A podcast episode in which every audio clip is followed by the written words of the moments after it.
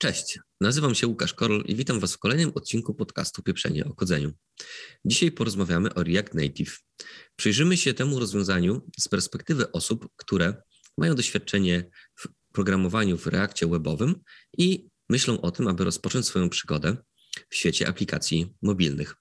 Omówimy kluczowe podobieństwa oraz główne różnice, których e, warto być świadomym od samego początku. Do rozmowy zaprosiłem programistów, którzy w swojej karierze przeszli już drogę od programowania aplikacji webowych w Reactie do programowania aplikacji natywnych w React Native. Swoimi doświadczeniami w tym e, zakresie podzielą się z nami Bartek Janowski. Cześć Bartku. Cześć Łukasz, miło Cię widzieć. Łukasz Piera, cześć Łukasz. Cześć wszystkim. E, I Damian Cop, cześć Damian. Cześć, witam. Super. Chłopaki, zacznijmy od podstawowego pytania czym React Native jest e, i do czego tak naprawdę w praktyce służy. No dobra, to może ja zacznę. E, jeśli chodzi o React, React Native'a, to nazwa może się ona wydawać dosyć myląca, że jest to jak naprawdę React, a no rzeczywiście Reactem on nie jest. Jak można zauważyć, React Native jest to framework, który bazuje na, który e, bazuje na Reactie, ale Reactem sam w sobie nie jest. Dzięki React Native'owi jesteśmy w stanie pisać aplikacje natywne, co mam na myśli poprzez mówiąc natywne? Możemy tworzyć aplikacje na telefony komórkowe, telewizory, a nawet możemy pisać aplikacje desktopowe na Windowsa, na Maca, tak naprawdę na co chcemy, z wykorzystaniem tych wszystkich bebechów, które mamy właśnie w tych natywnych, w tych natywnych urządzeniach. E, co może jeszcze troszkę historii o React Native, to React Native powstał po Reactie, można się domyślić, i został stworzony przez ówcześniejszy Facebook, teraz już Meta, w 2015 roku. E, co tam jeszcze ciekawego z tym? Najpierw powstał, najpierw powstał iOS, dopiero później, pół roku później powstała dopiero wersja na Androida. E, release można było pisać też aplikacje natywne na, zarówno na iOS-a i na Androida. A dopiero w 2018 roku te wielkie unicorny zaczęły się rzucać już na właśnie React Native, czyli na przykład Airbnb od 2018 roku w pełni korzysta już z React Native'a. To tak może tyle, jeśli chodzi o historię i tak poglądowo, czym React Native jest. Okej, okay. no właśnie, więc w tym momencie musimy sobie powiedzieć, E, jak daleko jest tak naprawdę od React Native do Reacta? Powiedziałeś, że React Native e, e, Reactem nie jest. No właśnie, więc czym jest i, i o, jaki, jakie mamy tutaj tak naprawdę kluczowe podobieństwa, kluczowe różnice? To może, może ja odpowiem. Znaczy, no, troszkę Łukasz tutaj dość, dość odważną tezę rzucił o Reactie, który nie jest Reactem. No ale e, jakby myślę, że może być to zaskakujące dla wielu osób e, i myślę, że dzisiaj podyskutujemy trochę o tym, jak, jak jednak e, wiele różnic jest między programowaniem w Reakcie webowym a JS-owym. No ale może tak pokrótce o podobieństwach i tych różnicach. No podobieństwo jest takie, że no tak de facto, no rzeczywiście, jeśli chodzi o logikę pisania aplikacji, podejście do programowania, to no, deweloperzy po prostu korzystają z Reacta. Więc jakby jak już e, mamy potencjalną e, aplikację skonfigurowaną i po prostu roz, jakby rozwijamy kolejne funkcjonalności, czy w ogóle je tworzymy od początku, e, to piszemy je w Reakcie. No, co za tym idzie, jakby ten cały ekosystem JS-owy jest dość spory, związany z Reactem i ogólnie z, z JavaScriptem, więc no, automatycznie możemy korzystać z wielu rozszerzeń, chociaż nie wszystkich. E, jeśli chodzi o chociażby testowanie aplikacji, e, to też w zasadzie, jeśli chodzi o testowanie unit testami i testami integracyjnymi, to też jest w zasadzie bardzo analogiczne do Reacta. No ale myślę, że e, tutaj jakby zasadniczo podobieństwa się kończą, bo jednak tworzymy aplikację mobilną i co za tym idzie, mobilną lub natywną, ale powiedzmy, że dzisiaj się skupimy głównie na, na mobilnych no co za tym idzie, jakby całe, całe środowisko i nawet sam proces jest e, zdecydowanie inny. E, no bo jakby korzystamy troszkę z innych narzędzi do jakby odpalania tej aplikacji, budowania jej. Warstwa wizualna jest w ogóle czymś totalnie innym, no bo znowu zamiast przeglądarki mamy urządzenia fizyczne. Nawigacja po tych aplikacjach jest inna, no bo jakby znów zamiast przeglądarki mamy urządzenie, które ma swoje określone metody do nawigacji i to jest ich wiele zazwyczaj. E, także no, według mnie tych różnic jest e, zdecydowanie więcej niż mogłoby się wydawać i niż nazwa mogłaby sugerować w sumie. Mhm. No, super. W takim razie mm, zacznijmy od y, omawiania podobieństw, tak? I pierwsze pytanie moje w, w tym bloku podobieństw będzie właśnie o tego, o tego Reacta, bo tutaj się cały czas y, nie jesteśmy pewni, czy ten React jest tym Reactem, czy nie jest, więc y, i pewnie to y, zostanie z nami do końca tego odcinka. No właśnie, więc opowiedzmy sobie, co jest podobne, tak? I jak, bo jak rozumiem, ta podstawowa struktura kodu wynikająca z tego, jak, jak zbudowany jest w fundamentalnych kwestiach framework React, framework React jest dokładnie taka sama w Reakcie webowym i Reakcie natywnym, czy tak? Tak, właśnie masz rację, Łukasz. E, tak naprawdę struktura folderów, jak i jakby sama warstwa logiczna e, w przypadku aplikacji webowej, jak i aplikacji mobilnej w React Native jest praktycznie taka sama. Tak naprawdę i tutaj, i tutaj mamy dla przykładu hooki, i tutaj, tutaj możemy korzystać tak naprawdę z paczek, które dopóki nie dotykają warstwy graficznej, to tak naprawdę nie ma żadnego problemu, czyli jakby to, co używamy na co dzień do tworzenia aplikacji webowej, możemy bez żadnego problemu wykorzystać po stronie mobilnej.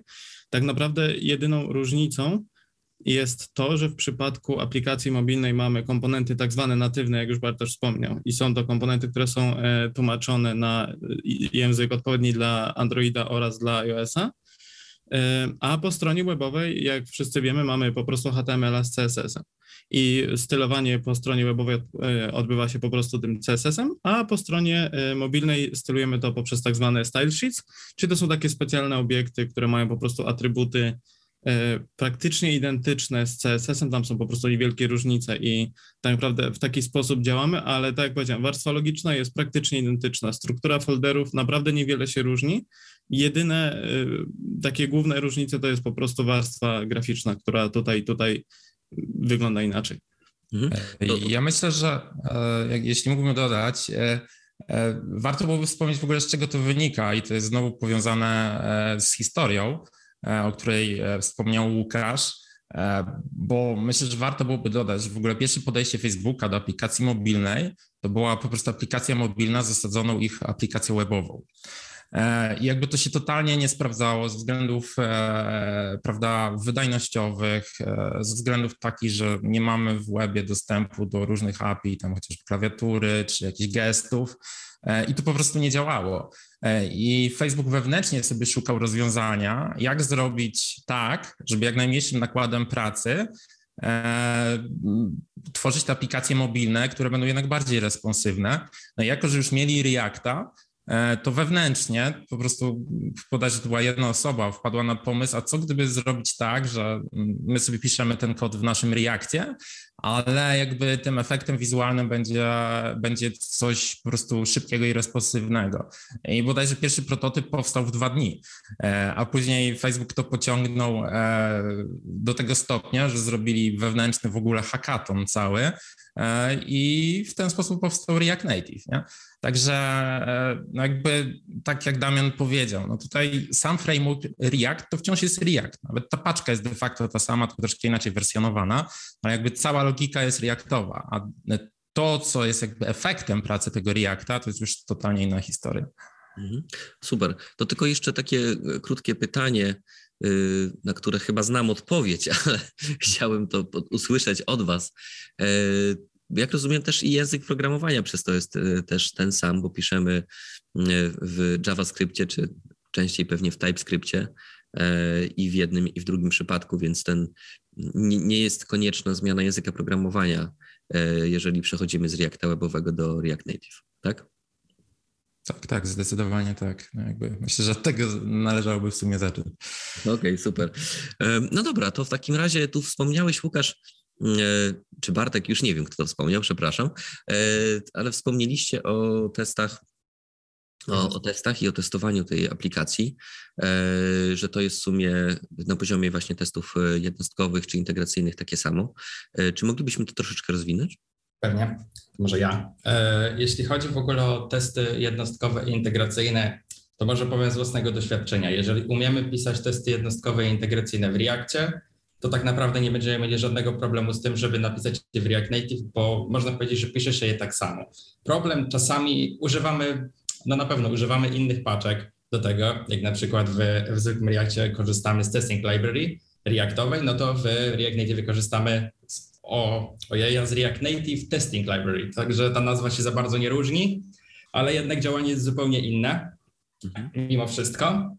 E, Jeśli chodzi o to, e, co tak naprawdę jest problemem w tych testach, to jedynie z czym ja w moim doświadczeniu jakby pisania w React Native, to było to na pewno mokowanie. Jest ono bardziej skomplikowane i na pewno bardziej rozbudowane niż takie zwykłe mokowanie e, na, na potrzeby aplikacji webowej w Reakcie. To w React Native rzeczywiście wchodzimy trochę głębiej i musimy czasem zająć się tymi natywnymi rzeczami, takimi na przykład jak biometria, jak na przykład aparat i to też trzeba w jakiś sposób zamokować, czego na przykład na webówce już nie musimy robić, no chyba, że wchodzimy na pewno gdzieś głębiej. Ale no, takich z głównych podobieństw to jest właśnie to, że jak najbardziej możemy sobie testować komponenty, możemy sobie testować to wszystko integracyjnie, tak samo jak na aplikacji webowej. Także tyle jeśli chodzi o testy, bo na ten temat można się na pewno rozgadać. Mhm. Super. No to wspomnieliście też y, tutaj o kwestii tych paczek, y, tak? I że i, i bibliotek, które znamy w, y, ze świata webowego i że teoretycznie możemy z nich korzystać, ale jest tu jakieś ale, więc jakbyśmy mogli sobie też właśnie ten, ten, temat y, y, rozwikłać. No w sumie ja, ja bodajże o tym wspomniałem, to może pociągnę. E, no więc tak, jakby jeszcze może od początku, żeby to uporządkować. Piszemy w JavaScriptie lub TypeScriptie, no, czyli w JS-ie. E, co za tym idzie, mamy dostęp do de facto wszystkich bibliotek, które są napisane w JS-ie. E, logika aplikacji piszemy w Reactie, więc jeśli chodzi o e, jakby ekosystem Reacta i różnych rozwiązań open source, które są przygotowane przez deweloperów, no prawda, to jest olbrzymi ekosystem. Więc na przykład, jeśli chcemy, jeżeli piszemy aplikację mm, natywną i chcemy mieć jakieś rozwiązania, rozwiązanie do zarządzania stanem, no to powiedzmy decydujemy się na Reduxa. Reduxa możemy użyć tu i tu, w ogóle Reduxa możemy użyć poza Reactem, ale nawet jakby jeżeli chcemy go użyć w Reactie, to i dla React Native, i dla mm, Reacta webowego, jakby znowu korzystamy z tych samych bibliotek do połączenia.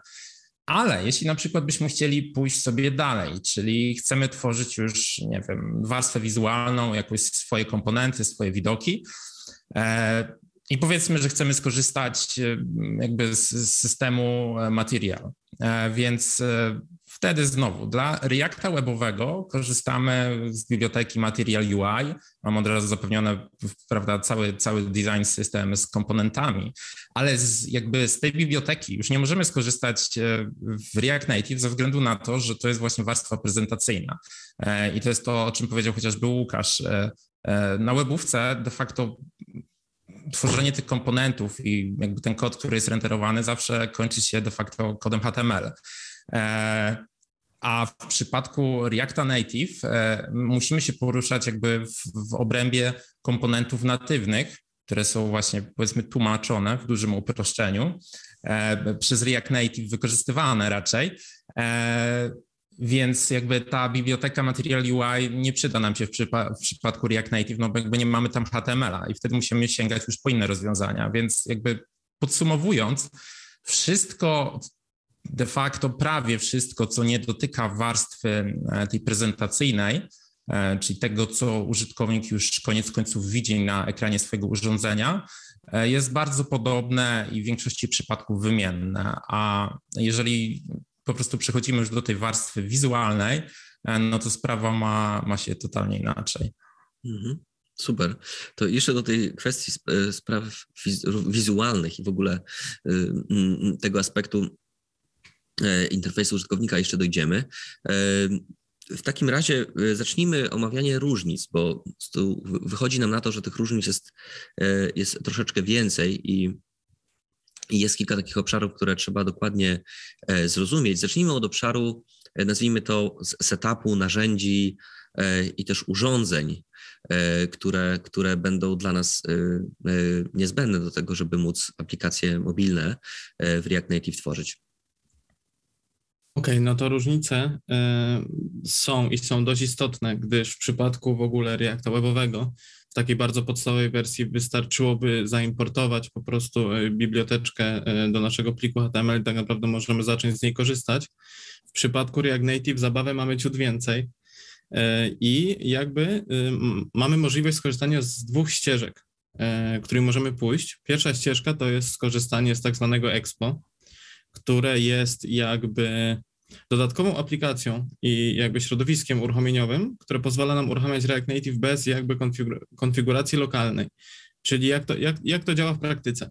Pobieramy sobie specjalne CLI e, Expo na, swój, e, na swoją maszynę, na swój komputer, e, tworzymy tam projekt, uruchamiamy ten projekt i w konsoli wyskakuje nam po prostu taki specjalny kod QR, który później skanujemy telefonem, na którym też mamy aplikację Expo i tak naprawdę to jest tyle z konfiguracji, gdyż e, cała jakby otoczka konfiguracyjna uruchomieniowa dzieje się po stronie Expo, więc od razu poprzez ich serwery na naszym telefonie wyświetla się po prostu gotowa aplikacja i już możemy działać. Z tym, że ma to pewne ograniczenia, między innymi takie, że nie mamy łatwego dostępu do kodu natywnego. Gdybyśmy potrzebowali coś zmienić po stronie Androida albo iOS-a, no to, to jest to utrudnione. I w takim przypadku przydaje się ścieżka druga, i jest to setup lokalny, który zawiera już troszkę więcej kroków, które należy wykonać, e, bo między innymi e, trzeba sobie pobrać e, Android Studio, z którego wyciągamy później po prostu SDK odpowiednie dla danej wersji React Native. I w przypadku, jeśli chcemy buildować naszą aplikację dla systemu iOS, no to potrzebujemy po pierwsze mieć e, Xcode. Jest to aplikacja od Apple do e, tworzenia aplikacji na system iOS. No i w przypadku e, w ogóle developmentu dla systemu iOS potrzebujemy jednak robić to na środowisku Mac. Nie jesteśmy w stanie tego robić na środowisku Windowsowym, więc jakby te obie aplikacje musimy mieć skonfigurowane na jedną albo obie, w zależności czy chcemy tylko dla jednego systemu, czy dla obu. I jak już je posiadamy, to później działamy przy, przy użyciu NBX-a paczką React Native, która już zawiera tam e, komendy związane z tworzeniem projektu, uruchamianiem, buildowaniem, testowaniem i, i, i, wszystkimi takimi rzeczami. No i wtedy, tak jak wspomniałem wcześniej, mamy już dostęp jakby do tego kodu natywnego, czyli w przypadku jakbyśmy musieli naprawdę podziałać coś głębiej i edytować już pliki związane stricte z ekosystemem Android albo ekosystemem iOS, no to już tę możliwość posiadamy. Z tym, że no, o wiele prościej na początek jest po prostu skorzystać z tego Expo i dopóki, dopóki nic nas nie zmusza do skorzystania z tego lokalnego, to jest to przyjemniejsze, wygodniejsze i o wiele szybsze.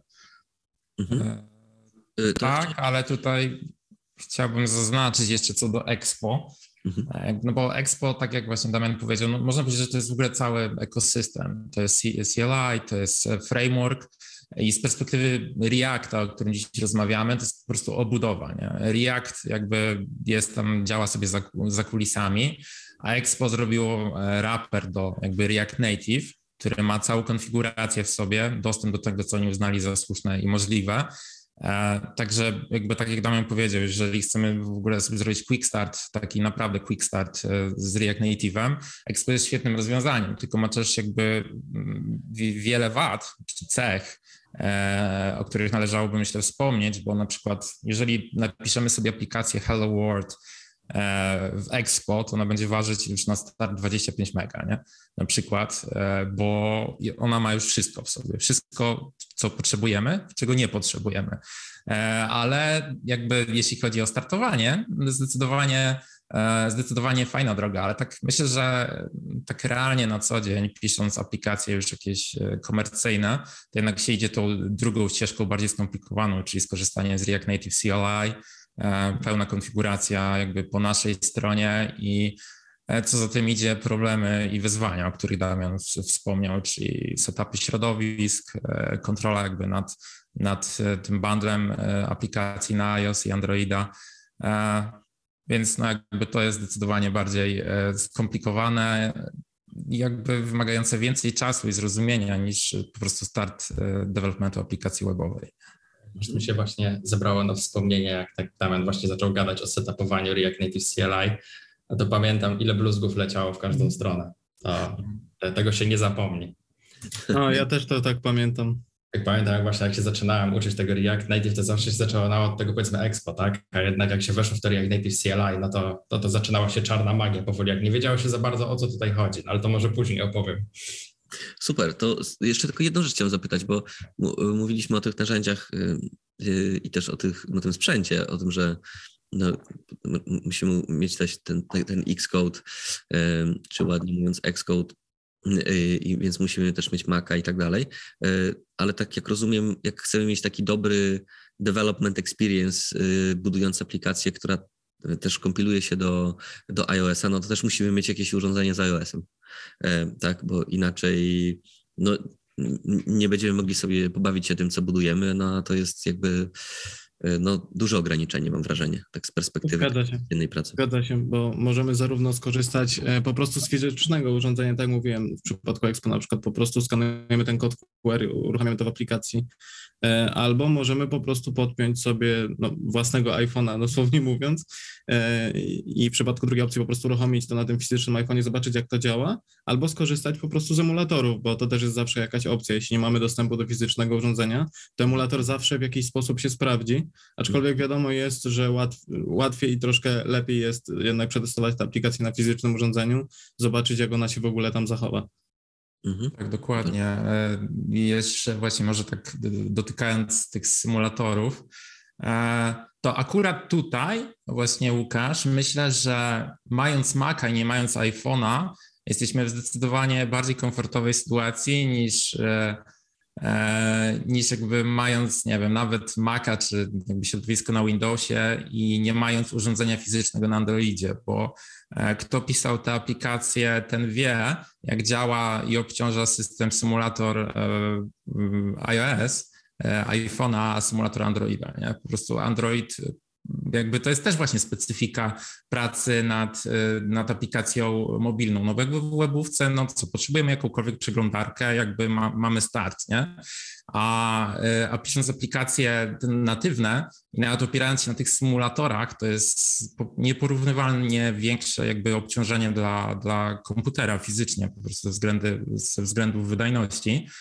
E, więc y, no jeśli chodzi o iOS-a, okej, symulator jest fajny, ale na Androida to ja osobiście bym nie polecał symulatorów, no chyba, że po prostu potrzebujemy tego do jakby kompatybilności wstecznej, bo nieraz jakby też musimy się zastanawiać nad tym, jak ta aplikacja będzie działać na Androidzie sprzed, nie wiem, iluś lat, jeśli jest takie wymaganie biznesowe.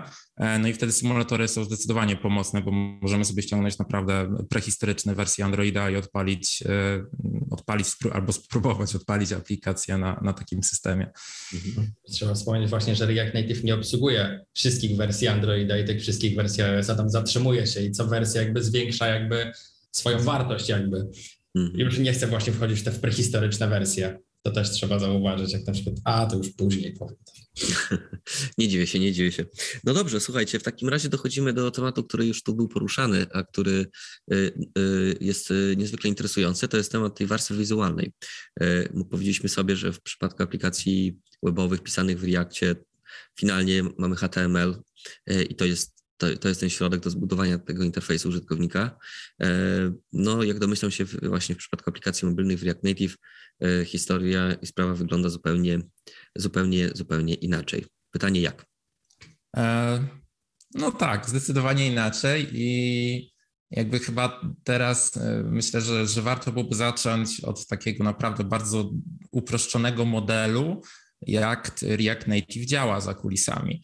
E, No bo tak jak powiedziałem, wspomniałem wcześniej, e, jakby to powstało na potrzeby Facebooka. Oni mieli już swojego Reacta, no i chcieli jakby e, pisać jeden kod, choć to nie wychodzi akurat, no ale chcieli, chcieli pisać jeden kod jakby ten logiczny pod, pod różne systemy. I to jak React Native to realizuje, można w dużym uproszczeniu powiedzieć, że kod JavaScript, który my napiszemy jest prawda uruchamiany w jakimś tam pobocznym wątku e, w tej aplikacji, czy to na Androidzie, czy na iOSie i e, komunikuje się z różnymi elementami danego systemu operacyjnego przez e, tak zwane bridge. I po prostu przez te bridge są wysyłane eventy. Więc gdy na przykład widzimy jakiś po prostu ekran z elementami, powiedzmy jest ekran z jednym przyciskiem w aplikacji mobilnej i gdy ten, klikamy ten przycisk, jakby natywnie w danym systemie jest generowane zdarzenie, które przez bridge jest wysyłane do do Reacta. E, React jakby interpretuje, co z tym zrobić i jakby przez ten bridge odsyła informacje do systemu. Dzięki takiemu rozwiązaniu możemy mieć de facto e, interfejs użytkownika stworzony w, w dowolnym prawda, języku, na dowolną platformę. E, jakby cała kompatybilność zawsze opiera się na, na tych elementach pośrednich, komunikacyjnych. No więc E, to jest jakby potężna zaleta tego, bo tak jak też wspomniałem, e, początkowo Facebook e, zamierzał, no i w zasadzie w pierwszych wersjach apki mobilnej, Facebook korzystał z WebView osadzonego, czyli po prostu kod HTML renderowany w aplikacji, jakby osadzona przeglądarka w aplikacji mobilnej. No i to, to nie chciało totalnie działać. Dzisiaj jakby React Native daje nam taką możliwość, że, że ta warstwa prezentacyjna E, jest po prostu budowana z natywnych elementów. E, więc jakby to, co jest renderowane na, e, na, ekranie, na ekranie danego urządzenia, to są komponenty, powiedzmy, albo z iOS, albo z Androida, które komunikują się tylko z Reactem.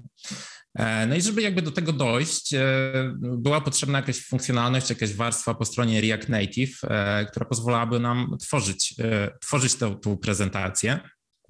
Więc w React Native powstały po prostu dedykowane komponenty wizualne. E, I jakby pisząc kod, znowu wygląda to analogicznie jak, jak e, w aplikacjach webowych. Tworzymy komponenty, których po prostu zwracamy już określoną strukturę kodu, używając komponentów natywnych. No i to są takie jakby mamy podstawowe komponenty typu view, można myśleć o tym jak jakimś, nie wiem, divie w HTML-u. E, mamy, e, mamy komponent typu tekst, który zastęp po prostu służy do renderowania tekstu, e, czyli możemy po prostu tworzyć, nie wiem, albo paragraf, albo nagłówki, etc. E, mamy komponent image do renderowania obrazka, mamy komponent button do przycisków, list do list, i jeszcze jakby kilka innych takich podstawowych. E, I używając ich e, jakby pisząc już tą aplikację, e, no jakby powodujemy to, że renderujemy na, natywny, przy użyciu natywnych elementów z danego systemu operacyjnego interfejs użytkownika. Też padł temat jakby gdzieś wcześniej stylowania, to chyba Damian mówił. Stylowanie w zasadzie też jest bardzo podobne. E, w stosunku do, do, do, do aplikacji webowej, bo React Native znów wystawia nam jakby taki klasę, obiekt style sheet, przy użyciu którego możemy tworzyć jakby obiekty styli. I te obiekty można sobie wyobrazić, że po prostu obiekt JS, w którym mamy jakieś properties, które są powiedzmy klasami w dużym uproszczeniu z CSS-a i tam definiujemy składnią taką CSS-like, style, czyli możemy się poruszać po jakichś tam, nie wiem, borderach, e, możemy jakieś wymiary nadawać i później korzystając z tego obiektu przypisujemy te style jakby do, do propa style, e, do komponentów natywnych. I jakby to, co się później dzieje, to, to jest to, o czym wspomniałem, czyli to jest interpretowane i tłumaczone jakby już na, dla danej platformy na, na jakby jej natywne elementy. I dzięki temu możemy de facto w większości przypadków pisać jeden kod, e, który będzie powodował tworzenie interfejsu użytkownika, który będzie wyglądał identycznie lub niemal identycznie jakby na różnych urządzeniach. No właśnie, tu się pojawia od razu pytanie. E, e, pytanie właśnie o to, na ile czasami jednak w tych komponentach, y, y, o których tu wspomniałeś, trzeba stosować jakieś specy, specjalne, nie wiem, czy to parametry, czy to triki, żeby specyficzne, czy to na przykład dla Androida, czy dla, czy dla mhm. iOS-a. A jakby no dlatego powiedziałem, że niemal identycznie wyglądające, bo e, jakby każda z tych platform ma, ma swoją specyfikę. E, I myślę, że takim tutaj naczelnym e, przykładem będzie cieniowanie.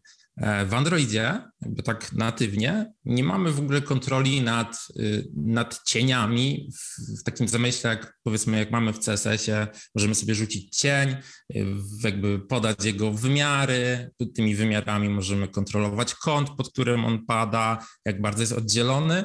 E, nie, w Androidzie mamy mniej więcej to stopniowane 1, 2, 3, 4, 5 i tak dalej. E, I to jak ten cień jest, jak później wygląda, to już decyduje ta platforma. Oczywiście można to obchodzić, próbować, są rozwiązania, ale skupiamy się na natywnych rzeczach. W iOSie z kolei, jakby jako że iOS, no wszyscy wiemy, bardziej Apple przykłada wagę do, do kwestii wizualnych, ta kontrola nad cieniem jest e, jakby dużo bardziej rozszerzona.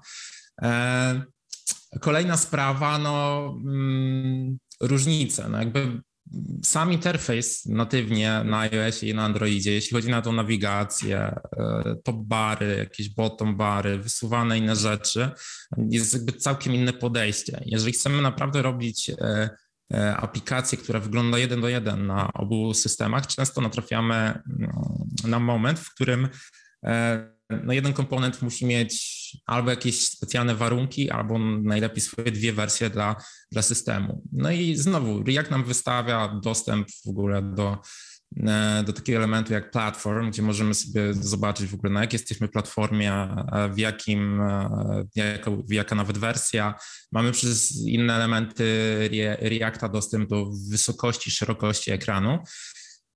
No i niestety to jest jakby manualna praca, bo o ile w o ile w, e, w przypadku web aplikacji i ogólnie weba mamy jakby opieramy się na CSS-ie i mamy rozwiązania typu mm, tam media queries i możemy sobie działać na różnych przedziałach, e, o tyle jakby w React Native poruszamy się wciąż na tym stylowaniu na poziomie jakby JavaScripta, więc e, jeżeli komponent jest renderowany i my chcemy w zależności od jakiejś tam szerokości, wysokości platformy coś inaczej zrobić, to po prostu w tych obiektach e, style sheetowych musimy sprawdzać na jakiej jesteśmy platformie, na jakiej wysokości jakby po prostu warunkami prostymi lub bardziej jakimiś tam skomplikowanymi rozwiązaniami, rozwiązaniami musimy sami panować w pełni nad, e, nad tym, jak ta aplikacja wygląda. Więc e, jakby no do czego to się sprowadza, że weźmy taki przykład, że tworzymy aplikację mobilną, która ma działać na, e, na Androidzie, na iOSie i ma działać na powiedzmy smartfonach i tabletach. I załóżmy, że wychodzimy od kodu dla smartfonów, to powiedzmy niemal identycznie będzie napisany ten kod dla iOS-a i Androida e, z jakimiś tam drobnymi różnicami. E, no ale jeśli chcemy powiedzmy wyświetlić aplikację na, na, na tablecie, już niezależnie, na, e, niezależnie nie skupiając się tutaj na platformach, no to Myślę, że każdy z nas miał taką sytuację w życiu, że jeżeli się ma tablet, ściągało się aplikację mobilną i ona nagle była wyświetlona w takiej małej rameczce, nie? Wielkości telefonu. No bo jakby to jest dodatkowy nakład pracy, który trzeba ponieść, bo wiecie, mamy dużo więcej, więcej przestrzeni na ekranie, Także de facto pisanie tej aplikacji i danego screena może kończyć się e, tym, że musimy stworzyć dwa totalnie różne komponenty, E, dla smartfona i dla tabletu, gdzie ten tablet będzie dużo bardziej rozbudowany, no bo może więcej elementów e, zmieścić. No także no, myślę, że jakby to podsumowuje tą warstwę wizualną. No, poruszamy się w świecie tych natywnych, takich wystawionych komponentów, które w teorii mają wyglądać tak samo, ale nie wyglądają, ale możemy to spokojnie obchodzić przy użyciu metod do nadawania, no, nadawania im wyglądu. No a jeśli chodzi o różne urządzenia, różne wysokości, szerokości ekranów, e, no to to jest jakby już stricte praca manualna i założenia. To nie jest tak, że to samo wszystko się dostosuje, bo świat byłby wtedy zbyt piękny. No dokładnie. No, brzmi, A, żeś się rozgadał. Tak. No, ale ja to... w ogóle chciał, chciałem dodać tylko jedną rzecz e, do tego, co Bartosz mówił, że często na procesie w ogóle jakby designu aplikacji zakłada się na przykład, że rezygnujemy w ogóle z obsługi tabletów albo rezygnujemy z trybu landscape, żeby ułatwić sobie tą, tą responsywność, o której wspomniałeś Bartosz, bo to rzeczywiście jest o wiele większy problem niż w przypadku aplikacji webowej. Dlatego często taka decyzja po prostu jest podjęta, by ułatwić sobie pracę. Albo tak samo jak mówiłeś o tej ramce, która obejmuje ekran w przypadku tabletu, nie? Mhm. E, że po prostu jakby ten nakład pracy był ciut mniejszy już na w samym tym aspekcie graficznym. Mhm. E, jakby jeszcze chciałbym dodać, e, tak jeszcze się rozgadując, e, e, na tej warstwie wizualnej są jeszcze dodatkowe wyzwania, o których nie myślimy, e, tworząc aplikacje webowe. E, no bo to też jest temat, który padł wcześniej. Mamy chociażby, nie wiem, różne API, różne dostępy do różnych rzeczy, typu, nie wiem, klawiatura. E, no i na przykład co się dzieje, gdy klawiatura wyjeżdża, prawda, nie? Zaczyna nam zakrywać interfejs i teraz pytanie, jak ten interfejs ma się zachować na danym ekranie. E, czy on ma zostać przykryty, czy ma jednak podjechać do góry. To się nie dzieje automatycznie, do tego jest na przykład komponent taki keyboard avoiding view, gdzie musimy opakować sobie to, co chcemy, żeby to, to, co chcemy, żeby zostało przesunięte, tak w dużym uproszczeniu. E, jeżeli tego nie zastosujemy, no to sorry, wyświetli się klawiatura, zakrywa nam interfejs i do widzenia, nie widzimy formularza. Nie? E, jeśli chodzi o taką podstawową rzecz jak scrollowanie, e, w webie nie myślimy o tym, myślimy o tym jedynie, gdy chcemy, żeby się screen nie scrollował, a w React Native jest w drugą stronę. Domyślnie mamy ten jakby powierzchnię, którą widzimy. Jeżeli chcemy dodać scrolla, musimy skorzystać ze scroll view. E, jeżeli mamy jakieś potężne listy, e, to też są do tego dedykowane komponenty, żeby nie obciążać, jakby totalnie nie zajechać urządzenia. Jest jakby jeszcze masa różnic wynikająca z, z, ze specyfiki dzisiejszych urządzeń mobilnych i też systemów, no bo tak, niektóre ekrany mają, nie wiem, iPhone mają dzisiaj nocze u góry, prawda, więc od razu tracimy kilkadziesiąt pikseli z góry. E, Android ma nawigację od spodu, navigation bar, który też nam jakby zakrywa część aplikacji. E, jeżeli tych rzeczy nie przewidzimy, to jakby wiecie co, noc nam wytnie coś z góry, e, navigation bar nam naszą nawigację zakryje. E, jakby znów są do tego rozwiązania typu Safe Area Provider, taki komponent, który pozwala nam jakby się dowiedzieć, ile mamy tego miejsca od góry, od dołu, ale to jest jakby cały czas myślenie i skupianie się na pisaniu sensownego kodu, bo te wszystkie rzeczy nie dzieją się automatycznie, to musi zostać założone jakby podczas developmentu i tak jak Damian powiedział też podczas designu. Trzeba brać takie rzeczy pod uwagę. Mhm. Znaczy też trzeba brać też pod uwagę to, że deweloper, który pracuje aktualnie nad daną w ogóle aplikacją, też nie ma wszystkich w ogóle urządzeń na świecie, jakie w ogóle są dostępne, nie? Pracujemy, może mamy jakiegoś iPhone'a, może mamy jakiś telefon, może z dwa z Androidem stare po babci, no i jakoś to działa tak, że no nie jesteśmy w stanie tego wszystkiego sobie sami przejrzeć. Dlatego jednak stworzenie takiego zespołu, który ma jak najwięcej tych telefonów, albo nie wiem, korzystanie z zewnętrznych narzędzi, na przykład jak w AWS-ie jest Device Farm, dzięki któremu też możemy sobie właśnie sprawdzić te mnóstwo rzeczy, jak to działa, jak to w ogóle wygląda na różnych urządzeniach, to też, to też jest sztuka. To, to, to też jest dużo zabawy z tym na pewno. Mhm. To tyle, co mogę dodać ja. To super.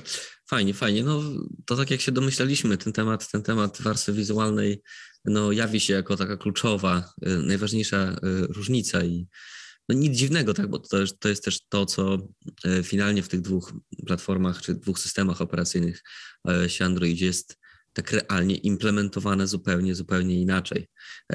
I, i, i ten React biedny musi się, no to jest też takiego, naturalnie tutaj mamy też do czynienia z pewnego rodzaju takim trade-offem, tak, jakimś, e, że no, mamy jeden kod, który się kompiluje na dwie platformy, ale ale albo poświęcamy więcej czasu na właśnie te takie drobne e, niuanse, do, dostosowujące coś między jedną lub drugą platformą, platformą, albo rezygnujemy z czegoś po prostu i ten, ten gdzieś tam e, idziemy na jakieś ustępstwo w obszarze tego, jak może idealna mogłaby być ta interakcja użytkownika z tym interfejsem. E, no ale przejdźmy do, przejdźmy do e, kolejnego, kolejnej różnicy, która tu była wspominana, e, czyli kwestii nawigacji. To ja chcę. Jeśli chodzi o nawigację, to, to jest w ogóle moja ulubiona sprawa w React Native. Ja jestem w niej zakochany i jakby wszędzie była taka nawigacja jak w React Native właśnie uwzględniona, czy to w Reactie, czy to w jakimś innym frameworku. We Vue jest trochę podobna, ale jednak ta w React Native no, mnie po prostu urzeka. Ona jest stworzona w taki sposób, znaczy różni się ona na pewno od Reacta tym, że w Reactie mamy router. Znaczy w Reactie sobie korzystamy właśnie z biblioteki React Router, no i dzięki niej jakby poruszamy się po tych urlach wszystkich. No ale jeśli chodzi o nawigację w React Native, to tutaj nie mamy routera, mamy tak zwany nawigator. No i dzięki temu nawigatorowi nie przechodzimy, bo tutaj nie ma żadnych urlów, nie, nie, nie przechodzimy od strony do podstrony i do tym podobnych, tylko zmieniamy screeny i wchodzimy w poszczególne nawigacje. No i mamy właśnie takie dwie możliwości dedykowane, znaczy dedykowane, polecane przez dokumentację React Native'a. To są dwie, dwie e, biblioteki. Pierwsza to jest React Navigation, a druga to jest React Native Navigation. Bardzo, bardzo się od siebie one różnią.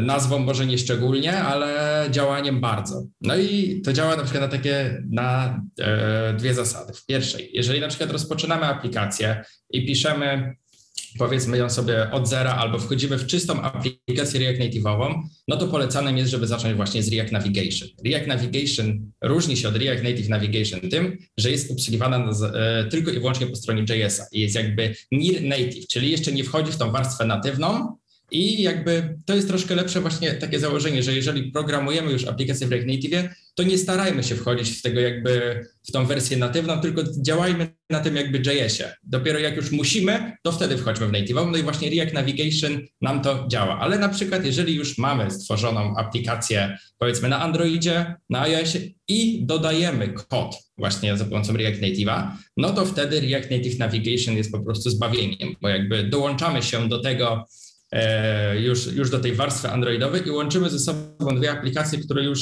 są od siebie, powiedzmy na początek, niezależnymi bytami i jesteśmy w stanie połączyć w jedno. I właśnie wtedy React Native Navigation się sprawdza. W ogóle to React Native Navigation korzysta sobie właśnie z tych warstw natywnych, na przykład w Androidzie tam korzysta z fragmentu, a jeśli chodzi o iOS-a, to tam jest chyba UI Navigation Controller, coś chyba, chyba dobrze pamiętam. No e, i to jeśli chodzi dalej o tą właśnie nawigację, jak ona w ogóle jest zbudowana? E, ona jest zbudowana w sposób taki hierarchiczny. Tutaj już mówię o React Navigation, czyli o tej paczce, która korzysta jakby near native. E, w, jest ona stworzona w sposób taki, jakbyśmy pisali sobie, jakbyśmy tworzyli sobie drzewo i ono ma odbicie od wszelkich gałęzi. Jakby Mamy, weźmy sobie na przykład aplikację bankową. I aplikacja bankowa ma różne procesy. Aplikacja bankowa ma na przykład procesy e, zrealizuj transakcję, wejdź w historię transakcji, wejdź w settingsy. To wszystkie te operacje, które tutaj się znajdują, to są osobne nawigatory. To są osobne nawigacje, które mają w sobie poszczególne screeny. I jakby Działa to w sposób taki, że możemy sobie to naprawdę bardzo ładnie poukładać, niczym jakbyśmy pisali tak naprawdę jakieś maszyny stanowe, że oczywiście nie porównuję tych dwóch rzeczy do siebie, ale daje to do siebie takie porównanie, że widać aktualnie, co się dzieje. Na przykład porównując do tego React Router, który moim zdaniem jest napisany w cały świat i żeby go napisać ładnie, to też sztuka, to React Navigation narzuca już na nas to, że musimy to napisać dobrze. No to tak tyle, jeśli chodzi o nawigację. Czy ja bym już tak chciał może dodać od, e, znów od strony wizualnej, jako że to mój konik jest, e, to, że no mamy no, chociażby różne typy nawigatorów. Właśnie, tylko, o, jeszcze to bym chciał dodać, to że dobrze przypomniałeś, ale jak już mówisz, to mów. Znaczy, no, możesz dodać, nie? To... Mogę mówić, no to mamy kilka tych. Właśnie zapomniałem, a mam gdzieś tu na, w kropeczce zapisane, że powinienem powiedzieć, wiesz? E, jest kilka tych właśnie rodzajów. To mamy na przykład taką główną nawigację, czyli stack navigator. Mamy, gdzie na górze powiedzmy możemy się poruszać za pomocą palucha, mamy tab navigation, drawer navigation i tym podobne, czyli że w którym miejscu ustalona jest nawigacja, czy na przykład na dolnym, e, w dolnym takim pasku na ekranie i to jest nazywane bottom tab navigation. Mamy jeszcze tab navigator, gdzie jest na górze. Mamy jeszcze stack navigator, gdzie poruszamy się już jakby jeśli mówimy na przykład, bierzemy iPhone'a w rękę, to poruszamy się tym kciukiem, cofamy się, przenosimy się w różne strony. No to takie są te rodzaje tych właśnie w kwestii wizualnych. I to też zależy na przykład, porównując właśnie te dwie paczki ze sobą, React, React Navigation i React Native Navigation. Jedna od drugiej jest, e, e, znaczy różnią się one od siebie na pewno tym, że React Native Navigation jest troszkę szybsze i te takie przejścia pomiędzy jednym screenem a drugim jest takie bardziej smooth. No to tak tyle. Jeśli no, ale... Chyba, że masz coś jeszcze, Bartosz, do dodania, to dawaj. Jakby chciałbym zaznaczyć, że e, właśnie te różne typy nawigacji i to, że one w ogóle, tak jak mówisz, mogą tworzyć drzewo, czyli de facto możemy zagnieżdżać nawigację w nawigacji, w nawigacji, w nawigacji, e, e, jakby podnosi tak jakby kom, kom, poziom skomplikowania pisania aplikacji. No bo jakby tak jak, jak piszemy apkę webową, no i mamy rzeczywiście, korzystamy powiedzmy z, z, ze zwykłego routera w Reakcie, który opiera się na historii przeglądarki, no to jakby to jest po prostu prosty stack, nie? Dodajemy, dorzucamy kolejne ekrany, nie? Czy tam kolejne ścieżki, później router na to reaguje i nam e, ekrany renderuje i możemy się cofać i poruszać powiedzmy liniowo w tej nawigacji, no, albo coś tam e, zastępować. E, w React Native z kolei możemy, nie musimy, ale de facto musimy, jeżeli mamy, nie wiem, chcemy mieć bottom nawigację i jakiś tam drawer wysuwany gdzieś z boku, gdzie to jest standard praktycznie w aplikacjach. Nie? Tak jak wspomniałeś o aplikacjach bankowych, nie? Wchodzisz z lewej, masz menu, z dołu masz, masz jakieś tam, mm, e, prawda, sekcje, no to to już zag, zag, zagnieżasz z kolei w stack nawigatorze, bo to musi być ubrane znowu jakimś nawigatorem. No i zaletą jest, e, tak jak wspomniałeś, powiedzmy e, jakaś strukturyzacja procesów określonych, bo na, na, na poziomie organizacji projektu możemy sobie go zorganizować po prostu per funkcjonalność, per nawigator, ale z drugiej strony e, w momencie, w którym, nie wiem, chcemy przejść z drugiego poziomu zagnieżdżenia nawigacji gdzieś na poziomie pierwszym, jeżeli aplikacja nie jest dobrze napisana i ustrukturyzowana, e, to naprawdę można wiem, się nagłowić nad tym e, i można sobie samemu bardzo dużo e, błędów wygenerować. Dlatego jakby mamy więcej możliwości, daje większą odpowiedzialność w tym przypadku.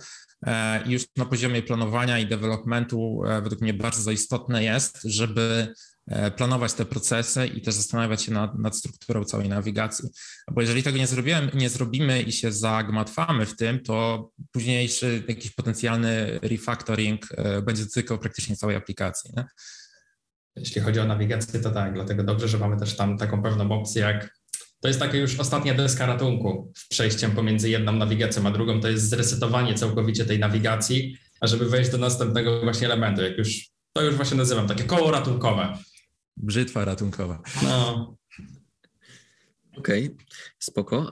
No fajnie, słuchajcie, to w takim razie zostawmy te kwestie mm, interfejsu i nawigacji. Wrócimy, e, przejdźmy troszeczkę do tych kwestii praktycznych. Tutaj mówimy o de facto finalnie o budowaniu się aplikacji natywnych, tak? Czyli finalnie powstaje paczka z aplikacją e, natywną, czy to na, Android, na Androida i na iOS-a. I oczywiście się pojawia pytanie, jak y, wygląda cały proces budowania i deploymentu tych aplikacji. E, no bo z racji na to, że mamy zupełnie inny outcome tego procesu, domyślam się, że to inaczej zupełnie wygląda, porównując to do aplikacji webowych. Właściwie to sam e, proces, jakby e, sam pipeline nie różni się aż tak, bo kroki są podobne. Wiadomo, aplikacja jest budowana, kod wcześniej jest sprawdzany, wszystkie takie kroki, które znamy już z wersji webowej. Z tym, że bardzo trafnie to określiłeś, mamy zupełnie inny outcome. Bo w przypadku Reacta webowego kończy się to zazwyczaj deployem po prostu gdzieś na serwer, na którym możemy sobie uruchomić już to dane środowisko, zobaczyć jak aplikacja wygląda a tak naprawdę w przypadku React Native kończymy z daną e, apką, e, z danym po prostu archiwum aplikacji zarówno dla Androida, jak i dla iOS-a e, łącznie. I w przypadku, znaczy inaczej, my osobiście korzystamy z Bitrace'a. To jest taka platforma, która właśnie oferuje pipeline stricte pod aplikacje mobilne. I działa to na takiej zasadzie, że e, klasycznie po prostu z pushem albo na e, master, albo na jakiś inny wybrany branch e, rozpoczyna się cały proces buildu i ten cały proces kończy się po prostu tym, że zostaje wygenerowana aplikacja. I automatycznie już dla przykładu mamy dostęp po prostu do różnych wersji tych aplikacji. Możemy sobie po prostu przejrzeć, czy, czy błąd, który występował nam w tej iteracji, występuje nam w kolejnej, albo czy może pojawił się już wcześniej. Więc jest to pełna dowolność. E, z tych apek, które są tworzone w tym procesie, później dla przykładu korzystają testerzy, którzy instalują je po prostu na swoich albo fizycznych urządzeniach, albo na emulatorach e, i, i, i testują. A równie dobrze możemy je też wysłać tak naprawdę do stakeholderów, którzy chcieliby zobaczyć, jak ta aplikacja na danym procesie wygląda, e, jak wygląda w ogóle progres jakby całego teamu developmentowego i, i, I jakby tak to wygląda z perspektywy samego buildowania. E, I, I w przypadku deploymentu e, sprawa zaczyna się lekko komplikować, bo aby w ogóle apkę do sklepu wypuścić, należy w ogóle by zacząć od utworzenia konta w danym sklepie, czyli musimy respektywnie mieć konto dla Google Play, musimy mieć konto dla App Store'a e, i każdy z tych sklepów tam ma inne jakby wymagania, które musimy spełnić. I kolejnym krokiem jest wygenerowanie zazwyczaj jakiegoś specjalnego klucza albo czegoś w rodzaju certyfikatu, który później musimy w tej swojej aplikacji umieścić jakby to jest po prostu na zasadzie weryfikacji tej apki, e, która później ląduje w tym sklepie. No i następuje proces weryfikacji tej aplikacji. I ten proces może odbywać się albo automatycznie, gdzie po prostu jakieś um, odpowiednie algorytmy sprawdzają naszą aplikację, czy, czy nie zawiera, nie wiem, jakichś e, niepożądanych treści, czy nie robimy jakieś nie e, rzeczy z danymi użytkownika, których nie powinniśmy robić, albo czy w ogóle aplikacja tak prozaicznie się po prostu uruchamia.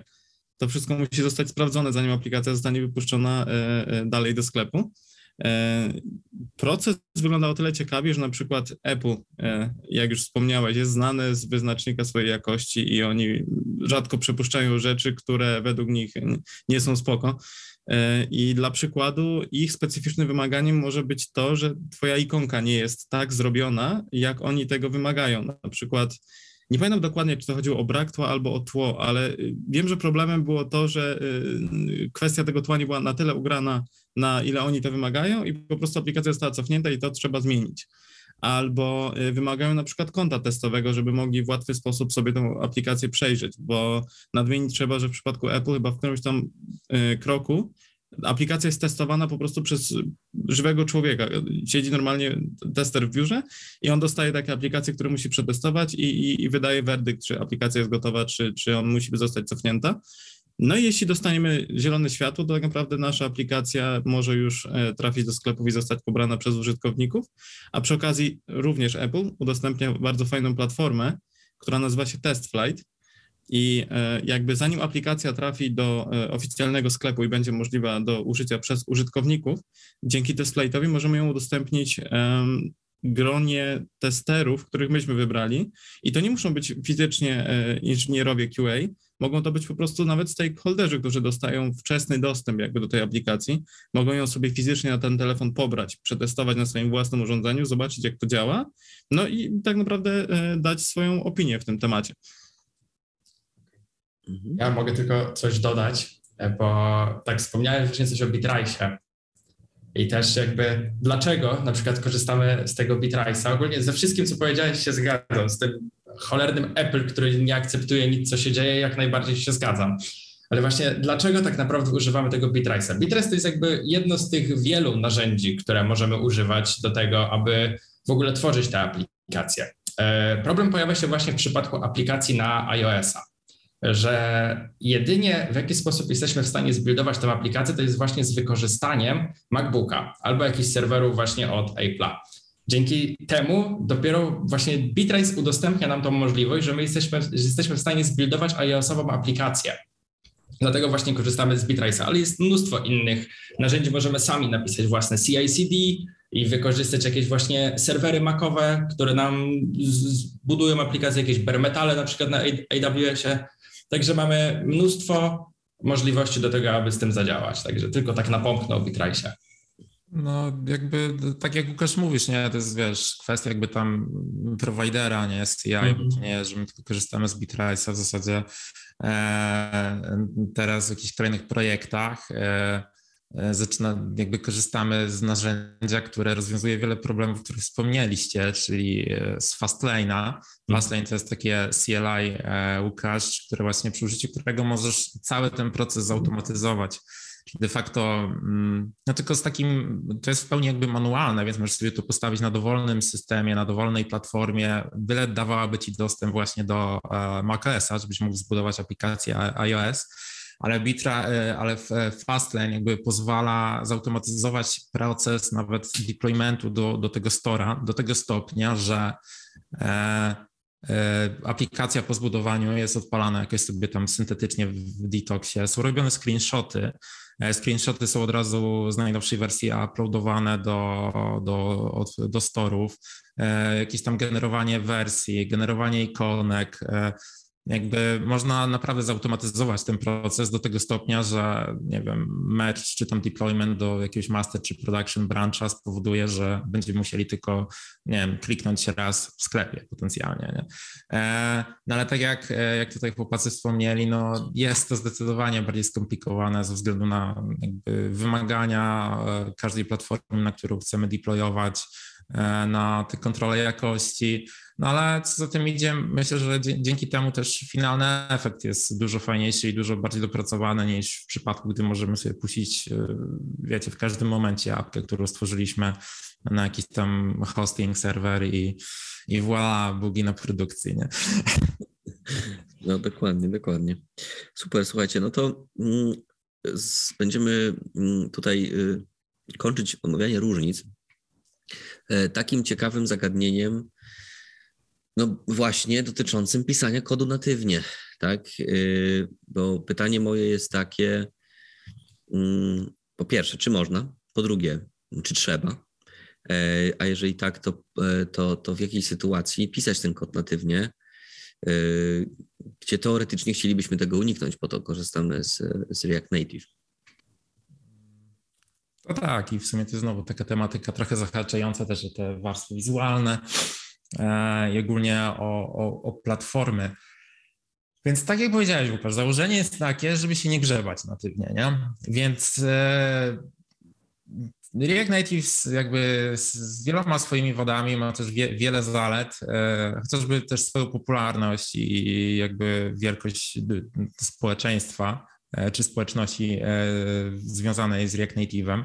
Więc tak pewnie w 90% przypadków, jeśli nie więcej, w przypadku pisania zwykłych jakichś komercyjnych aplikacji, które nie wiem, nie są jakby mocno powiedzmy E, zależny od jakichś naprawdę strasznie tam natywnych funkcjonalności, a myślę, że to się sprowadza często jakby do po prostu wydajności, bo React Native nie jest jakimś e, demonem wydajności ze względu na to, o czym mówiłem wcześniej, że po prostu ten JS leci sobie w jakimś osobnym małym wątku, nie?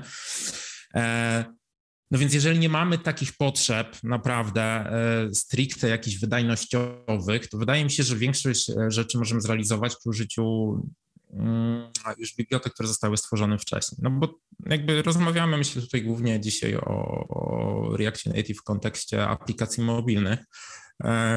No i wiadomo, aplikacje mobilne mają to do siebie, że jakby e, często możemy i chcemy korzystać z dodatkowych funkcjonalności, które oferuje, oferują nam fizyczne urządzenia, czyli chociażby biometria, e, dostęp do, do kamery, czy to żeby zrobić zdjęcie, czy żeby zeskanować jakiś kod QR, E, mamy, nie wiem, mamy keychain w iOSie, w którym możemy przechowywać bezpiecznie dane, prawda? Jakby do tego wszystkiego już powstały y, paczki, to częstokroć jest ich jakby wiele bibliotek rozwiązujących jeden problem, które możemy e, po prostu używać w aplikacji, nie? Właśnie Expo, o którym rozmawialiśmy wcześniej, jako cały framework jest świetny pod tym względem, bo oni jakby zakład, ich założeniem było, żeby zminimalizować tą potrzebę grzebania w kodzie natywnym i Expo praktycznie ma, nie ma paczki do wszystkiego, nie? czyli możemy sobie normalnie zaimportować JS-ową bibliotekę, nie wiem, do biometrii, do kamery, jakby do uprawnień, no bo jakby te uprawnienia to też jest w ogóle dość szeroki temat e, i jakby możemy na, z poziomu już tego Reacta e, i z poziomu JavaScripta wchodzić w interakcję, uruchamiać kamery, dostawać do, do nie wiem, Face ID, do czytnika linii papilarnych bez problemu. Ale e, często myślę w przypadku bardzo dużych aplikacji, i które mają specyficzne potrzeby, dochodzi jednak do, e, do, do, do, do, do, tej, do tego momentu i do tej potrzeby e, interakcji na poziomie natywnym z platformą. Tutaj w ogóle jakby ciekawym przykładem będzie Airbnb, o którym chyba Łukasz na początku wspominał, bo Airbnb, no jakby jak powstał React Native, oni mocno w ogóle z Reactem są, jeśli chodzi na to weba, e, zaprzyjaźnieni. No jakby jak React Native powstał, no to od razu w to weszli, e, no bo cudnie miało być. E, tylko prawda jest taka, że nie wiem jaki jest stan na dzisiaj, e, ale nawet może być tak, że prawdopodobnie Airbnb dzisiaj w aplikacjach mobilnych już praktycznie nie korzysta z React Native. Dlaczego? Bo okazało się bardzo szybko, E, że natrafili na problemy z wydajnością, no bo jakby Airbnb też myślę, że chyba każdy z nas korzystał z ich aplikacji mobilnej, jest no taki dość smooth experience ma, e, są różne, różne animacje, jakieś tam przejścia fajne, e, no i to musi odbywać się na poziomie natywnym, bo jakby jakby JS w tym swoim ograniczonym wątku nie jest w stanie nam zapewnić performance'u takiego, żebyśmy mieli płynne animacje. Nie? Więc oni zaczęli bardzo szybko przepisywać wiele swoich kluczowych ekranów na, na natywne. I jak to w ogóle zrobić? O tyle jest łatwo i przyjemnie, że w React Native mamy taką możliwość. Jest jakby taka stworzona furtka, która się nazywa Native Modules. I po prostu jak, jak piszemy natywny moduł. Załóżmy, że chcemy stworzyć moduł dla Androida, więc jakby w całej hierarchii folderów dla w aplikacji React Native, którą piszemy, mamy w ogóle dedykowane foldery platformowe, gdzie, gdzie to mamy pliki konfiguracyjne, w których coś trzeba uzupełnić, jakby taka baza, prawda, która ubiera później tą aplikację, się tam znajduje. No i po prostu, jeżeli chcemy stworzyć moduł, powiedzmy dla Androida, tworzymy nowy plik, tworzymy klasę, która rozszerza dedykowaną klasę, którą nam React dostarcza. I tam sobie możemy zrobić wszystko w Javie, co chcemy de facto. I taka klasa ma jakby swoje określone cechy, które, które powinna, powinna spełniać. To są właśnie jakieś tam głównie metody publiczne, które muszą być wystawione i napisane w określony sposób. I później już z poziomu JavaScripta mamy też JavaScriptową paczkę Native Modules się nazywa i przez ten Native Module możemy zaimportować to, co napisaliśmy. I możemy w dużym uproszczeniu wysyłać właśnie zdarzenia, które będą odbierane przez te metody. I w ten sposób de facto mamy połączenie przez znowu przez taki bridge, przez most, poprzez zdarzenia z tym kodem natywnym, który sobie napisaliśmy. I on może być naprawdę dowolny i z kodem jakby JavaScript, który tutaj jest no, obsługiwany przez Reacta. No. Ale tak jak mówię, no, tutaj use case to jest z mojej perspektywy no, głównie wydajność albo dostęp do jakichś, nie wiem, może nowych funkcjonalności, do których nie ma paczek, nie? A do wszystkich takich, wiesz, natywnych, natywnych rzeczy z, z danych platform, naprawdę rozwiązania już istnieją i to jakby są powielane. Także na szczęście no nie wiem, my się tam spotykaliśmy chyba raz z jakimś, jakąś potrzebą grzebania w kodzie natywnym w przypadku takich no, zwykłych komercyjnych aplikacji. Mhm. Okej. Okay. Super, fajnie, fajnie. Słuchajcie, no spróbuję podsumować te podobieństwa i różnice, bo taki obraz tego się wyłania z tego, co mówicie, że mimo wszystko te, te różnice mocno przeważają e, i, i, i tych, te podobieństwa oczywiście są pewne, ale one może tylko powodują, że nam się troszeczkę na początku łatwo w tym wszystkim rozeznać, te pierwsze kroki e, zrobić w tym e, świecie tworzenia aplikacji mobilnych w React Native, jak mamy doświadczenie z Reactem webowym. No ale szybko, szybko tworząc realną, komercyjną aplikację, no podejrzewam, że większość czasu nagle będziemy spędzać na rzeczach, których y, do tej pory nie robiliśmy w ogóle, robiąc aplikacje webowe. E, I ten know-how stojący za tym jest y, no, zupełnie inny i potężny, który trzeba zdobyć z czasem, żeby efektywnie te aplikacje mobilne tworzyć. Takie jest moje wrażenie po tym, co mówicie, ale właśnie zaraz sobie zweryfikujemy, bo bym chciał właśnie tutaj zapytać Was o Wasze tutaj osobiste doświadczenia i takie wrażenia e, z tego, jak w ten React Native wchodziliście e, kiedyś. Tutaj zaczniemy może od Łukasza. Właśnie Łukasz, bo ty już nawet już mówiłeś, że jakieś bluzgi, coś tam, więc tak spodziewam się, że to będzie, że to będzie coś w stylu wzruszyła mnie twoja historia, więc no posłuchajmy, jak, jak to było w twoim przypadku. Znaczy, no, jak wspomniałem, tak powiem. Moja mała historia, właśnie jak wspomniałem, zaczynałem od Expo. To było takie pierwsze moje wejście w React Native'a, to, że ściągnąłem sobie Expo, no, bo jeszcze wtedy nie korzystałem z MacBooka. Jakby no, chciałem to Expo, żeby zobaczyć, jak to sobie wszystko działa. Tu za dużo, bardzo dużo roboty było z tą konfiguracją, więc stwierdziłem, wchodzę w to Expo. Okej, okay. no i tak sobie piszę, nagle i jakbym wiedział, myślałem, że wiem wszystko tak naprawdę, pisząc wtedy w tym React Native, że dla mnie to jest React. Niczym to się tak naprawdę nie różni. Dopiero potem, jak już jednak weszło się w ten, jak już się zaczęło tą swoją pracę, jak powiedzmy ten React Native Developer, kiedy już było, było się pewnym, że się tak naprawdę wie wszystko, to się okazało, że się gówno wie, za przeproszeniem. Wchodzisz, wchodzisz do, na projekt komercyjny, kiedy, do, kiedy masz do naprawy autentykację, która nie była zmieniana przez ostatnie 4 miesiące, paczki zaktualizowane, paczka Solidarity, która wymaga od ciebie zniżenia twoich wersji wszystkich konfiguracyjnych w twoim MacBooku, żebyś mógł jakkolwiek w ogóle tą aplikację odpalić. poinstalować te wszystkie rabi, poinstalować te wszystkie environmenty, poinstalować te wszystkie Javy, żeby to ze sobą się współgrało. Ale to już powiem wam, że doświadczenie właśnie nabiera się z czasem, bo ostatnio jak właśnie instalowałem wszystko po restarcie komputera, po całkowitym formacie, to zajęło mi to 10 minut, a wcześniej pamiętam dwa dni. Także, także bawi i uczy przy okazji React Native. A wracając właśnie do tego, musiałem zmienić e, w tej starej aplikacji w React Native tą autentykację.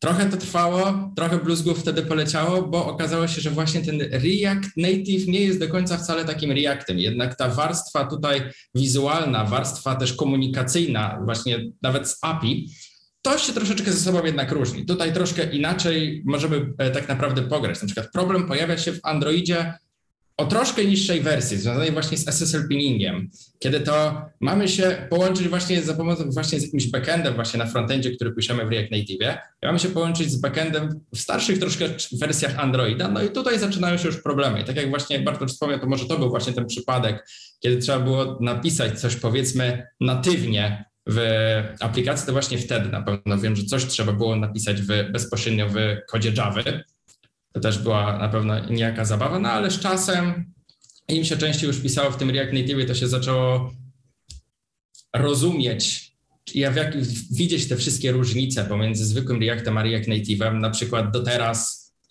e, problem sprawia, powiedzmy, może nie taki wielki problem, już wiadomo jak to obejść powiedzmy, ale pamiętam, że wielkim problemem było dla mnie to, kiedy mamy komponent tekstowy. Komponent tekstowy działa tak właśnie w React Native, że to, co jest w środku tego tekstu, to zostanie przetranspilowane jako tekst. I na przykład wyobraźmy sobie, czyli że wszystko, nieważne ile mamy komponentów w środku, to i tak wyjdzie z tego tekst, tylko inaczej powiedzmy oscylowany. Ale problem na przykład pojawia się wtedy, kiedy na pewno spotkaliście się w swoim życiu z zabawy z aplikacjami, że mieliście na pewno przy każdej rejestracji pod spodem zaakceptuj na przykład politykę prywatności i tym podobne. No to w React Native to jest, to jest, to jest naprawdę trudne, żeby to zrobić żeby załapać te wszystkie hiperłącza, żeby zmieścić je w tekście, tutaj naprawdę trzeba się pobawić stylami i to nie jest takie jak w webówce, że klikasz, jesteś i gotowe. W React Native trzeba troszeczkę powalczyć. Także no, taka jest moja historia z React Native'em, że po prostu na głęboką wodę i to zdaniem, moim zdaniem to chyba najlepiej, najwięcej daje, jak już właśnie człowiek jest zmuszony do tego, żeby działać najbardziej z tą aplikacją, kiedy już nie ma wyjścia, bo inaczej straci pracę, nie? No także no, trzeba, trzeba po prostu działać. No to... Okej, okay, no brzmi to dość dramatycznie. E, czy e, tu Bartek, Damian, chcielibyście coś od siebie dodać? E, tak, znaczy ja, ja się tutaj zgodzę, że jakby to pierwsze wrażenie, to pomijając czy Expo, czy nie, jak już powiedzmy, że mamy skonfigurowane wszystko i odpaloną tą łapkę, to pierwsze wrażenie jest takie wow, nie? Dobra, w sumie mogę, jestem native developerem, nie? Oj, mogę tak. pisać aplikację. E, ale później tak następuje jakaś taka sekwencja dziwnych małych zdarzeń, które narastają do poziomu, e, w tak. którym, nie wiem, ja osobiście częstokroć miałem ochotę, delikatnie mówiąc, rzucić tym React Native'em, bo jakby mówię, to piszemy te komponenty, wszystko jest fajnie, no ale nie wiem, jest sytuacja w stylu aktualizacja MacOS, nie? No to dobra, dawaj, nie? I zauważyłem, że aktualizuje się Xcode w tym przypadku, a akurat, że Xcode miał dużo, e, dużą aktualizację, to przestał być kompatybilny w danej wersji z React Native. No i nagle wiesz, masz e, rano odpalasz kompa zaktualizowanego i nie możesz odpalić aplikacji, nie? Mhm. E, no bo jakby to nie jest to, że sobie z NPM-a zaktualizowałeś, czy Node'a, czy nie wiem, może Chroma bym powiedział, jakby było odpowiednie powiedzieć, nie? E, więc e, no nie wiem, to kwestie jakiejś właśnie takiej kompatybilności, stabilności, no czasem no, trzeba głębiej wejść i, i, się zastanowić i dowiedzieć, zgłębić jak to działa, nie? Wszystko wokół, poza tym Reactem, żeby zrozumieć problemy, na które trafiamy, nie? E, ale już pomijając, pomijając te wszystkie jakby różnice i jakieś tam trudności, wyzwania dodatkowe, no, no z mojej perspektywy akurat mm, jakby po tym wejściu i napisaniu pierwszej aplikacji, czy nawet już w trakcie pisania jej, e, jakby sam fakt, że wiesz, nie wiem, mogę sobie wyciągnąć nawet w, będąc na mieście w, e, wiesz, w weekend e, telefon i wiesz, mam apkę, swoją, którą stworzyłem, jakby może nie fizyczną, no ale jakby fizycznie na swoim telefonie mam aplikację, którą mogę odpalić i wiesz, sobie przejrzeć i w sumie nawet fajnie śmiga.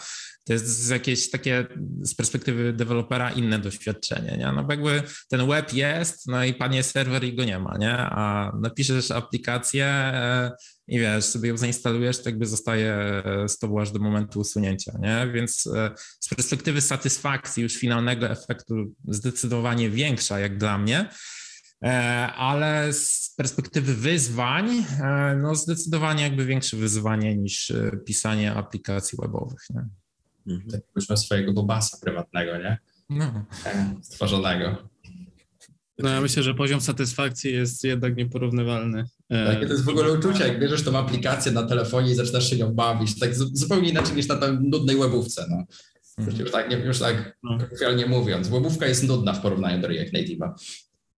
To jest ciekawe, co mówicie. Ja, ja, osobiście nie mam żadnych doświadczeń z tworzeniem aplikacji w React Native, ale był czas, kiedy tworzyłem aplikację e, e, natywnie na Androida, i, a wcześniej oczywiście robiąc aplikacje webowe, E, no to też pojawia się, też miałem ten sam efekt, o którym wy mówicie, takiej poczucia większej jakiejś, nie wiem, no, satysfakcji czy sprawczości, że pamiętam, że te, pierwsze te aplikacje stworzone na Androidzie, no jakoś tam sprawiały, sprawiały satysfakcję, więc no może to jest powiązane właśnie z, wiecie, z w pewnym sensie też jakby z poziomem wyzwań, które trzeba przejść e, i, i albo też, że to jest coś nowego dla mnie jako dewelopera, dla mnie jako programisty, ja tylko podzielę się jeszcze jedną taką myślą. Kiedyś, jak zacząłem właśnie pierwszy raz tworzyć aplikacje natywne, to pierwszą rzecz, którą zrozumiałem, to to, że mamy do czynienia tak naprawdę zupełnie innymi, z innym rodzajem troszeczkę jakby aplikacji, troszkę y,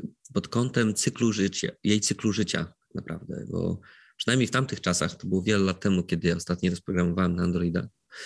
Nie będę teraz próbował przypominać, ile to lat temu było, ale no przynajmniej dobrych, dobrych, dobrych kilka lat, to, e, no to te aplikacje webowe, szczególnie tworzone w takich, takich wiecie, tych full stackowych frameworkach, e, no to e, bez takiego jasnego podziału na, na, na wiecie, na, na tą rasę prezentacji i jakiś API i jakiś backend, z którym rozmawiamy przez API, no to tamte aplikacje to były takie troszkę, wiecie, no jakby trochę nie żyły w czasie rzeczywistym, to chcę powiedzieć. Nie? To jakby cykl życia aplikacji webowej, jakby z perspektywy wykonania kodu, egzekucji kodu, to, to był ten czas od momentu, w którym y, ten nasz framework y, czy to nasze środowisko uruchomieniowo uruchamiało się, renderowało tą, y, tą, tą, tą aplikację, kończyło ją renderować i wysyłało ją z serwera na przeglądarki. Koniec. Tak? I, I potem ta aplikacja jakby już nie żyła, nie funkcjonowała. Natomiast aplikacja mobilna, ona w systemie operacyjnym, w momencie jak do niej korzystasz, ona działa real time. Nie? Mhm.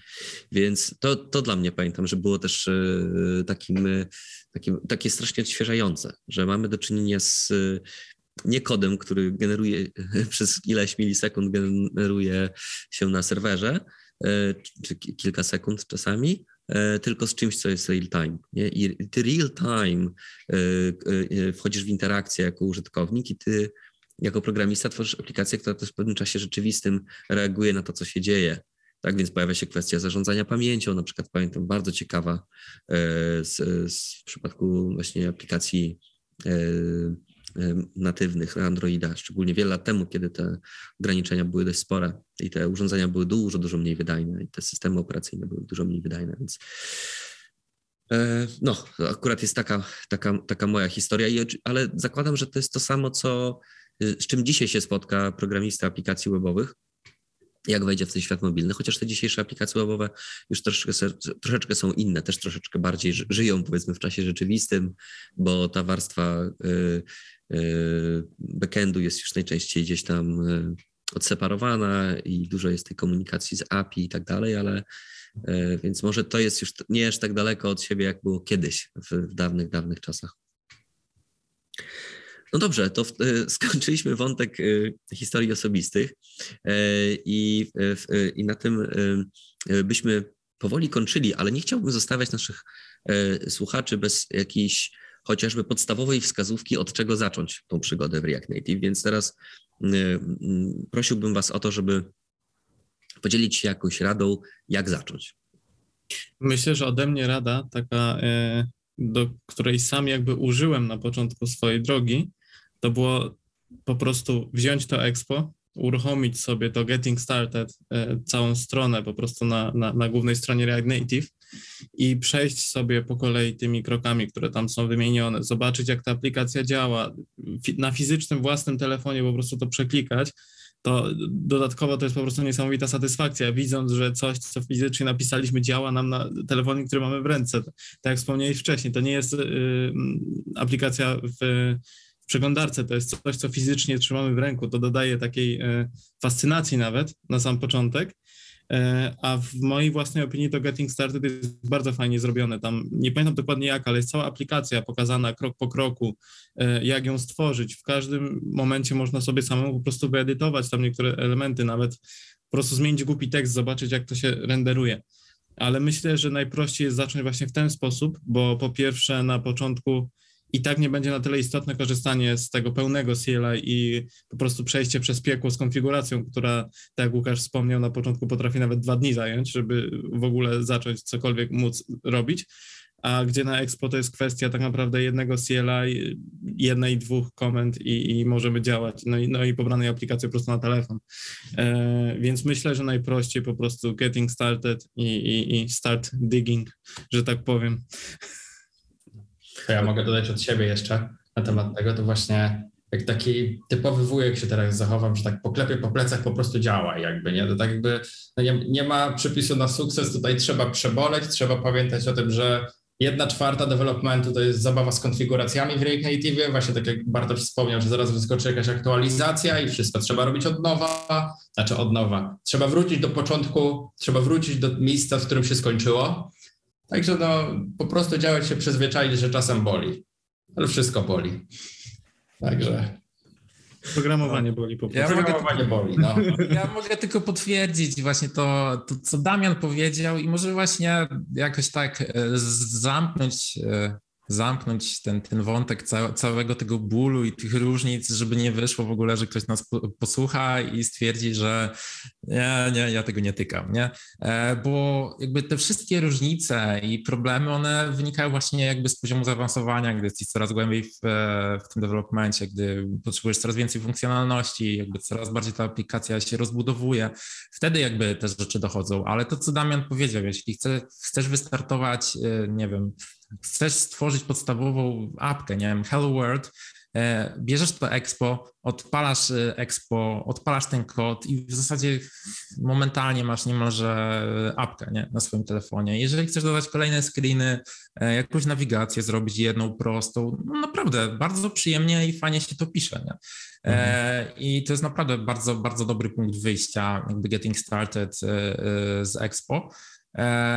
No a później jak się wciągniesz, no to zacznie się trochę więcej może bólu, E, a jeśli nie, no to jakby też nie zmarnujesz dużo czasu, bo, e, bo mówię, ten, ten start sam, sa- start w sobie, żeby zacząć cokolwiek robić, e, jest naprawdę szybki i myślę, że przyjemny. Mhm. Super. Dziękuję chłopaki za rozmowę. Ona była niezwykle ciekawa. Dla mnie osobiście, jako osoby bez doświadczenia w React Native, wiele rzeczy się wyjaśniło. E, I też mam wrażenie, mam nadzieję, e, ale w sumie jestem też pewien, że te- osoby, które szukały jakiegoś impulsu e, do tego, żeby w ten React Native wejść, a wcześniej miały może doświadczenie właśnie z tym Reactem webowym, no, że je do tego zachęciliśmy, bo mimo tych wszystkich różnic, wyzwań, no brzmi to bardzo ciekawie i, i, i na szczęście są właśnie, jak sobie powiedzieliśmy przed chwilą, jakieś łatwe sposoby, aby w to wejść i tą przygodę rozpocząć.